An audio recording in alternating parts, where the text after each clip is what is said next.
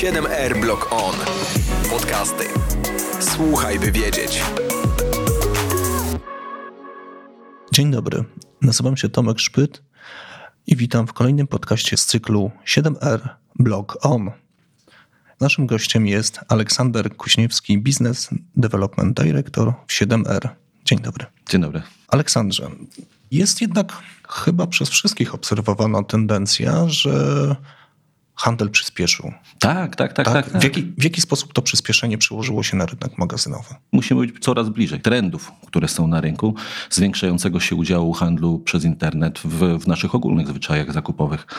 Sami widzimy jak gdyby wzrost zainteresowania produktem, którym są magazyny miejskie. Coraz więcej będziemy wchodzić do miast, będziemy coraz bardziej widoczni, jeśli chodzi o tkankę miejską.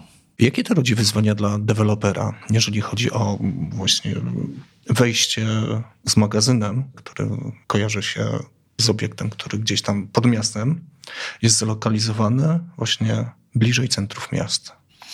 Zdecydowanie jest to odpowiedzialność społeczna, tak? Przecież mamy sąsiedztwo, sąsiedzi też mogą protestować. My musimy ich przekonać, że nasz magazyn wpisze się w otoczenie że nie będzie utrudnieniem, a może się okazać, że będzie ułatwieniem. Że będzie na tyle estetyczny i na tyle ładnie wyglądający, że nie zaburzy harmonii miast. No, my akurat jesteśmy w takiej może trochę dobrej sytuacji, że często obiekty przeznaczone pod magazynowanie, pod usługi magazynowe Coraz częściej to będzie na zasadzie wyburzania starych jakichś obiektów, wyburzania starych jakichś fabryk i zastępowanie je po prostu nowoczesnym budynkiem. Więc to też jak gdyby trochę mm, ułatwia nam przekonywanie otoczenia, że o potrzebie powstawania takich inwestycji.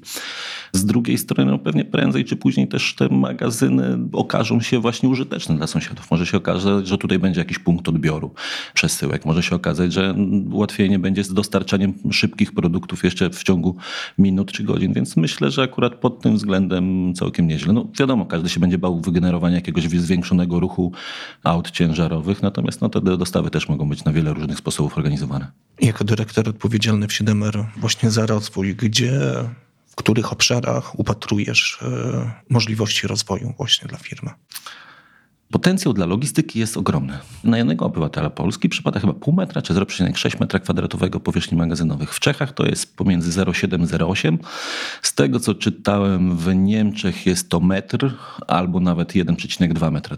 Z drugiej strony dużo magazynów u nas tak naprawdę powstawało no, jako odpowiedź na zapotrzebowanie rynku niemieckiego, więc to też jest troszeczkę ten, na nasza podaż powierzchni też trochę jest y, zaburzona. Potencjał jest ogromny w każdym obszarze. Potencjał jest ogromny i w obszarze dużych powierzchni magazynowych, big boxów, obsługujących dużą logistykę, no bo na każde zamówienie, które do nas przychodzi, ono pokonuje po drodze z 3 czy 4 magazyny. Czy to firm kurierskich, czy to firm właśnie dostarczających produkty, czy to później dodatkowo trzeba jeszcze, nie zapomnijmy, że obsłużyć zwroty. Więc ta paczka, którą zamówiliśmy z czterema parami butów, ona wraca do zupełnie innego magazynu z trzema parami butów. Więc na każde zamówienie, na każde nasze kliknięcie w internecie, pewnie z pięć magazynów jest potrzebnych a klikać będziemy coraz więcej. Więc pierwszy obszar zdecydowanie wielkoformatowe magazyny, duża logistyka. To, o czym przed chwilą rozmawialiśmy, wchodzenie magazynów do miast, że będziemy chcieli coraz szybciej. Pewnie 10 lat temu, jak się łączyliśmy przez, z internetem, przez telekomunikację polską, przepraszam, więcej, 20 lat temu, było całkiem spoko, jak produkt był dostępny w ciągu 5-7 dni. Teraz, jak nie ma go w ciągu jednego do trzech dni, to jesteśmy przekonani, że ktoś wystawia fałszywą ofertę. No to jest tak trochę żartuję. To, co mówiliśmy przed chwilą, że będziemy potrzebować tego samego dnia albo w ciągu kilku godzin. My się musimy zbliżyć też z magazynami do ludzi. Więc y, ten format, no, może, może to nie będzie wchodzenie do centrów miast. Tak? Może odpowiedzią na to będą istniejące obiekty handlowe, sklepy, jak gdyby na tą już rzeczywiście ostatnią milę, ale my będziemy musieli być na obwodnicy takiego miasta z możliwością zasilenia tych punktów no też w przeciągu minut, godzin, jeśli on będzie obsługiwany.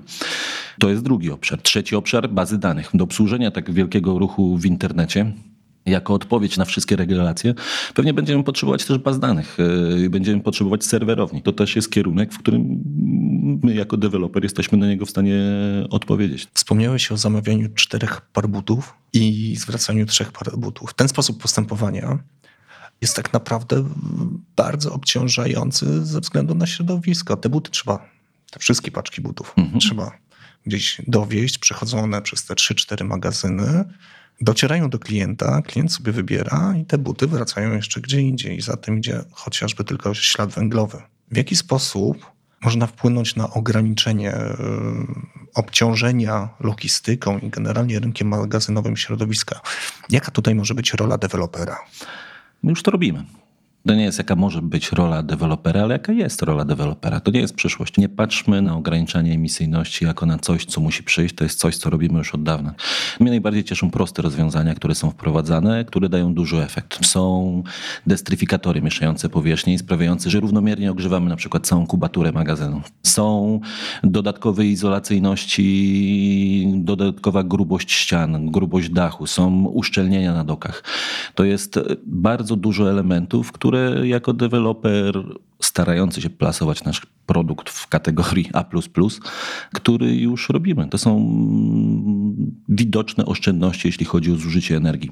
Ja myślę, że przy dzisiejszej sytuacji, przy tym co obserwujemy na rynku, wzrost kosztów tej energii, a zresztą z jednej strony wzrost kosztów tej energii, z drugiej strony jak gdyby wzrost świadomości firm na temat potrzeby dbania o środowisko, widzimy, że ścieżki oczekiwań co do klimatu i ścieżka ekonomiczna, że się spotkały. Że teraz stopy zwrotów nawet z instalacji fotowoltaicznej to już nie są w dziesiątki lat, tylko to są rzeczywiście oszczędności, które się klientom w łatwy sposób pokazać, że to ma sens. Słuchasz podcastu 7R. Czy możesz wskazać e, rozwiązania, które wpłyną na oszczędności dla najemców, później dla inwestorów, późniejszych właścicieli budynków, nie wiem, za rok, dwa, trzy, pięć, gdzie jeszcze bardziej dociskać tą oszczędnościową, ekologiczną śrubę, gdzie tutaj można szukać pomysłów, w których obszarach?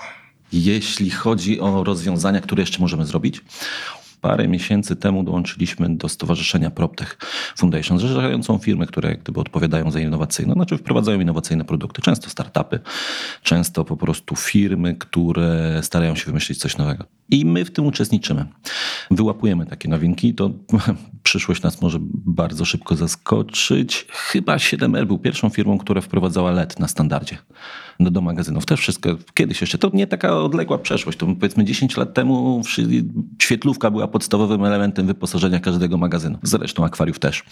7R był firmą, która pierwsza wprowadziła na standardzie LEDy. Teraz jesteśmy pierwszą firmą, która na standardzie wprowadza LEDy z protokołem DALI. To jest e, sterowanie umożliwiające ściemnianie oświetlenia w zależności od światła dziennego albo od ruchu generowanego. To jest jedna z takich nowinek, którą, za którą do tej pory klient musiał dopłacać. My wychodzimy z każdą taką nowinką. Staramy się wychodzić trochę przed szereg.